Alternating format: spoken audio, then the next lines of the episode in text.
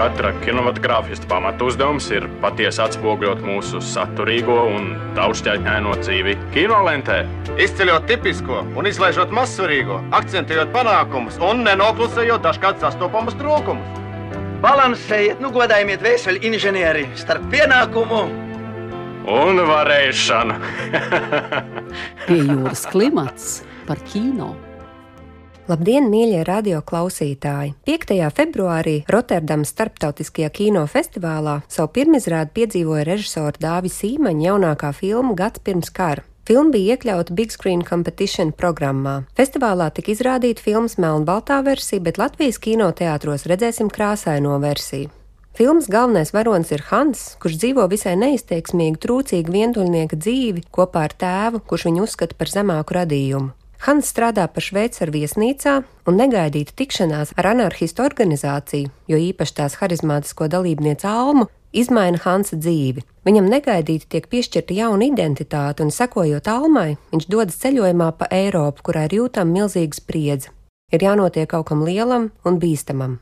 Dāvis Sīmaņa, Tabitas Rudzātes un Ulda Tīrona scenārijas savī dažādas kultūra vēsturiski nozīmīgas personības stāstā par sevis meklējumiem un izvēlēm, kas jāizdara ekstrēmos apstākļos. Gads pirms kara ir arī piemiņas dziesma aizgājušajam gadsimtam, un laikam pirms pasaules atricināja līdz šim nepieredzēta katastrofa - Pirmais pasaules karš. Filma Gads pirms kara ir tapusi studijas lokomotīvu paspārnē un ir Latvijas, Čehijas un Lietuvas kopražojums, Arī šajā darbā režisors turpina sadarbību ar savu iemīļoto radošo komandu - operatoru Andreju Rudzātu un mākslinieci Kristīnu Jurjāni. Kamēr filmas pirmizrāde Latvijā vēl jāgaida, studijā viesojas filmas režisors un viens no scenārija autoriem - Dāvis Sīmanis, lai pastāstītu vairāk par filmu un to, ko viņam nozīmē pirmizrāde Rotterdamas festivālā, ko viņš pats nosaucis par režisoru Meku. Pie jūras klimats par kino. Sveicināti, Dāvi! Sveicināti! Kādas ir sajūtas pēc pirmizrādes, lai arī tik, protams, netipiskas, neklātienes pirmizrādes, un kādas ir pirmās atsauksmes? Jā, varbūt tā pieredze filmu ieraudzīt nevis uz lielā ekrāna, un turklāt nebūt fiziski klāt pirmizrādē, ir kaut kāda tāda dīvainība, kas eh, iespējams kaut kādā brīdī kļūst par normu. Cerams, ka nē, bet tomēr vērojot tās tendences un lasot, par ko domā daudz, kas ar kino ir saistīti, un tieši tādu kino nākotnes paredzēšanu saistīti cilvēki, protams, tās prognozes nav optimistiskas. Un šī varbūt ir tā retā iespēja, retā forma, no kurā tomēr tam skatītājiem var nonākt tūmā. Rotterdams publika jau kopumā ir ļoti izglītota un varbūt ar tādu kino mākslu cieši saistīta, spējīga analizēt, spējīga atrast dažādu veidu kontekstus. No tā viedokļa arī reakcijas uz filmu nu, ir interesanti viņās klausīties kaut kādos komentāros. Viss, ko līdz šim mēs esam saņēmuši gan no preses pārstāvjiem, gan arī no skatītājiem, tas ļoti, ļoti pozitīvs atsauksmes, tādas pat var teikt, negaidīti pat pozitīvs. Un tas svarīgākais laikam jau tas, ka pēkšņi tu saproti, ka filma sāk dzīvot kādu savu dzīvi, un viņā parādās jaunas interpretācijas iespējas, parādās konteksti, ko tu pats varbūt līdz galam neesi apzinājies. Un no tā viedokļa viņi kļūst par kaut ko vairāk nekā iecerē. Varbūt ir bijis, un, un tas jau ir labi. Tas nozīmē, ka filma kļūst patstāvīga. Viņai vairs nav vajadzīga tā filmēšanas grupa un aktieri un cilvēki, kas viņu ir veidojuši. Viņi kaut kā sāk stāstīt savu stāstu pavisam kaut kādā savādākā veidā.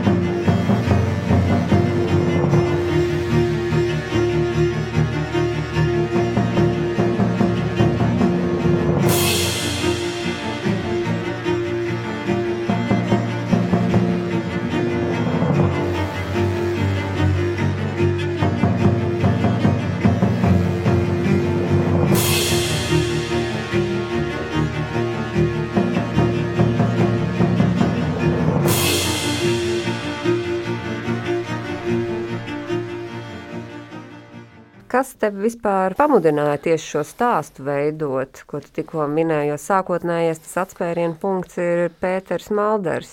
Nu jā, Marta, pirmkārt, jau tu esi bijusi iesaistīta šajā procesā un arī palīdzējusi veidot šo stāstu. Par to tev milzīgs paldies. Un uh, šis stāsts par laiku pirms Pirmā pasaules kara man vienmēr ir interesējis no tādas vēsturiskās perspektīvas, ņemot vērā, ka nu, visa šī iepriekšējā racionālā pasaule, ko 19. gadsimts mums ir uzbūvējis, un cilvēku ticība progresam un cilvēku ticība tam, ka prāts nesīs tikai ar vien lielāku un lielāku vienlīdzību, lielāku savstarpēju tolerantu līdzpastāvēšanu, pēkšņi pārvēršas pilnīgām drupām grupām, pēkšņi visur sāk valdīt ārprāts, neprāts visās dzīves sfērās. Kaut kāda ekstrēma uztvere, kas vairs nav nekādā veidā sasaistām ar šo racionalitāti, tieši otrādi, kaut kāda totāla iracionalitāte.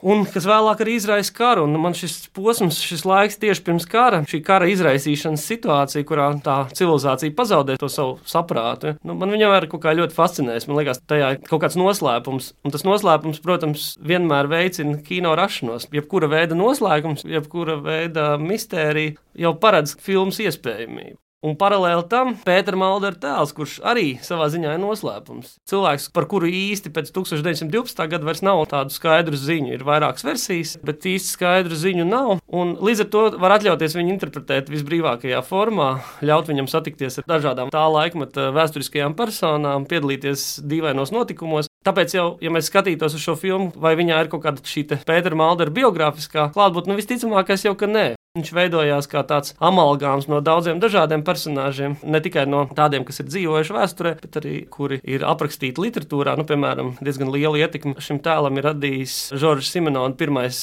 inspektora Megrē romāns, kur arī parādās tāda ambivalenta situācija, kur ir divi brāļi, Romāns saucās Pēters Latvijas. Arī kaut kādā veidā ir iedvesma nākusi tieši no Pētera Maldera personības, bet atkal jau ļoti brīva interpretācija. Un ir divi brāļi, un, un kurš tad īsti ir tas īstais, un vai vispār tie ir divi brāļi? Ja, tā, tas jautājums. Tā kā es domāju, ka tas varbūt tā nav biogrāfiska interese, kas izraisa šo filmu, vairāk tā ir tāda interese par vēsturisku fenomenu, par laiku, ar kuru kaut kas nav kārtībā.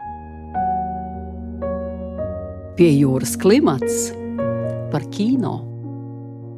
Kaut kādā ziņā bieži izskan arī šī teorija, ka šī brīža situācija pasaulē ļoti līdzinās tai, kas bija gan pirms Pirmā, gan pirms Otrā pasaules kara. Un tu pats arī minēji šo terminu, šis sprādzienu bīstamais laiks, vai tu saskat kaut kādas līdzības eh, tanī periodā ar to periodu, ko mēs izdzīvojam tagad?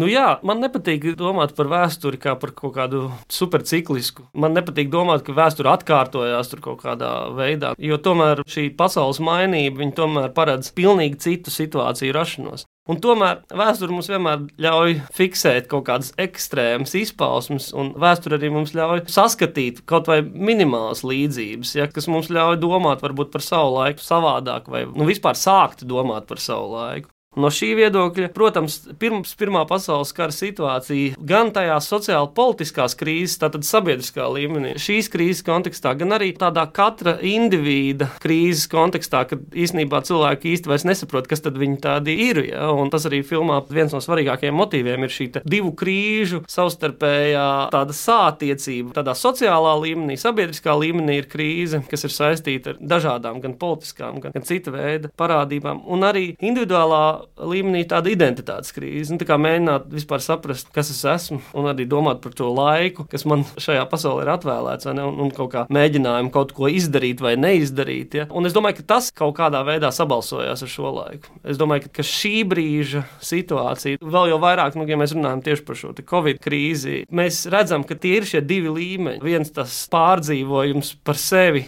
šajā pasaulē, tas ir kaut kādā individuālā uh, nozīmē, un arī tādā sabiedriskā nozīmē nozīmē, nu, kādā veidā vispār tā sabiedrība var pastāvēt. Mēs redzam arī, kaut vai nu, tiesim, mums pietiek paskatīties absolūti kaut kādās nejēdzībās, kas notiek mūsu pašu valstī, tur, nu, sākot ar nacionālo partiju vēlmi mainīt satversmi tā tumsonība un stulbums, viņš jau nekur nav pazudis. Viņš ir tieši tāds pats, kā viņš tur vēsturē ir bijis. Un tā tumsonība un stulbums, un mēs redzam, ka mums vajag paskatīties uz pēdējiem četriem gadiem ASV, lai saprastu, cik tālu līdz kādām ekstrēmām parādībām tas var novest. Un tas ir mirklis. Tur viens kaut kāds klikšķis, un pēkšņi tas viss sabrūks. Tas kāršu namiņš ir ļoti trausls. Skaidrs, ka varbūt neizraisīsies trešais pasaules karš, bet tas, ka kaut kādas tādas super smagnējas tektoniskas izmaiņas sabiedrībā notiek, ja, un pēkšņi cilvēki cilvēki no tolerantiem un ar kaut kādu morālu imperatīvu apveltītiem, viņi pēkšņi kļūst par kaut kādiem tumsoņām un rīkojās kaut kā pilnīgi paradoxāli.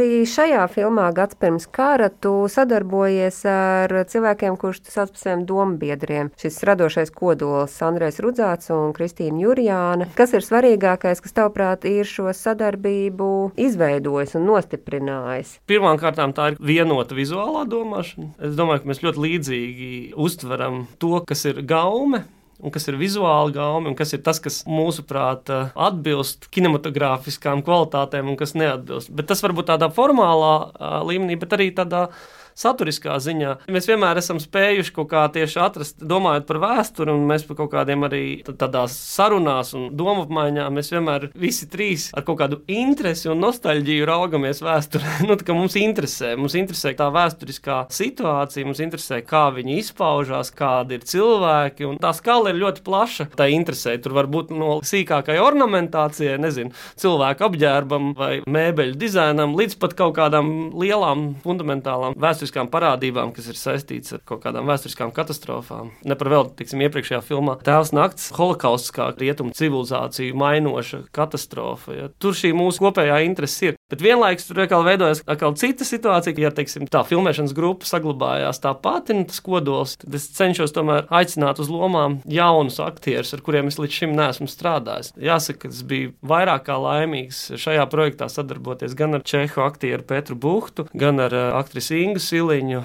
Lauru Dzelzīti, aktieri. Tāpat tās Girts Česters izcili nospēlē mums Freidu. Ja man bija liels pagodinājums īstenībā šiem aktieriem sastrādāties, jo nepārprotami viņi ir eh, daudz talantīgāki nekā varbūt kāds kādreiz par viņiem domā. Kā bija tieši praktiskā ziņā šī valodas barjera, kas tomēr ir galvenās lomas atveidotājiem ar pārējiem, un viņam it kā bija jārunā latviski, kā jūs ar to tikāt galā, it sevišķi viņa komunikācijā citiem aktieriem? Man liekas, ka šī loma Pētera Maldera, jeb nu, vienkārši anarchista vai topošā anarchista, Pētera vai Hansa vai Jāņa, nu viņam tur filmā dažāda veida hipostāzes, ja, ka viņa jau paredz to, ka viņš īsti šajā pasaulē nepiedalās. Viņš ved sev līdzi skatītāju viņš tā kā tāds gids, bet tā pasaule tur vārās, viņa kļūst ar vien vaiprātīgāka, bet viņš tāds mazliet izbiedēts putns, vai ne, tā kā uz to visu raugās un nemaz nepamanā to brīdi, kad viņš jau ir tā visa sastāvdaļa. Un jāsaka, godīgi, aktieri Petra Buhtas tā diskomunikācija, ja, vai tā kā sarežģītā komunikācija, jo mēs pamatā komunicējām angļu valodā, bet arī angļu valoda viņam nav tādā izcilā, varbūt līmenī, un attiecīgi, ka viņš tādā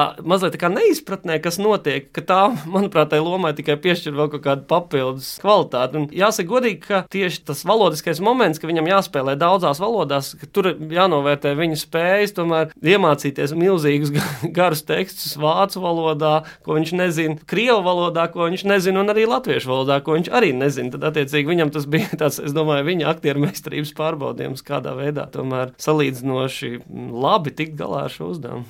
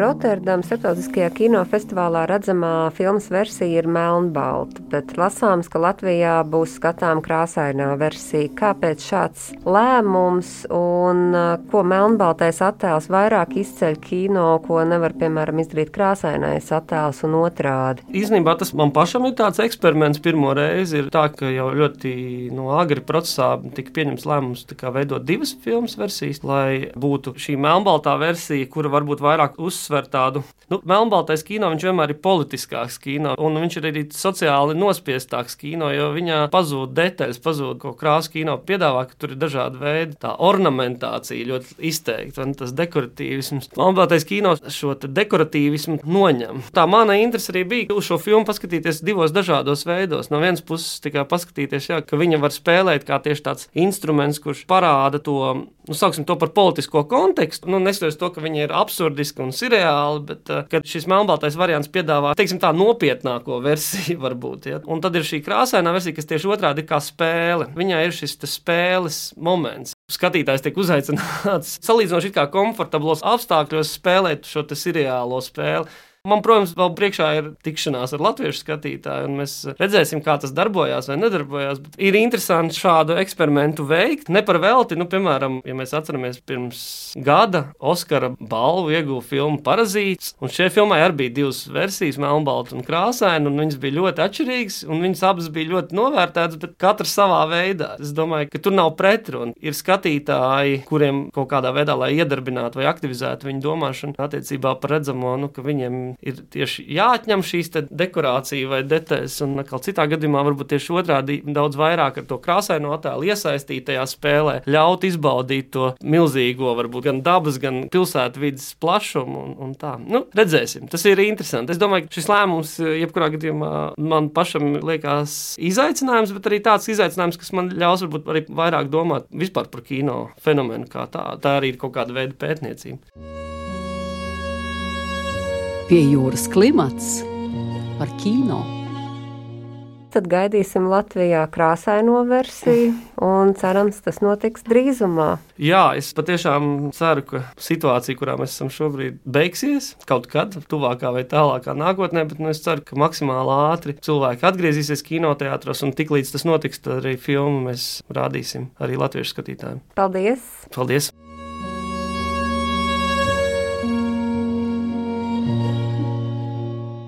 Radījumu vadīja Marta Elīna Martinsone, montēja Andra Černievska. Radījuma piejūras klimats producente Inga Saksone. Raidījums tapis ar valsts kultūra kapitāla fonda finansiālu atbalstu.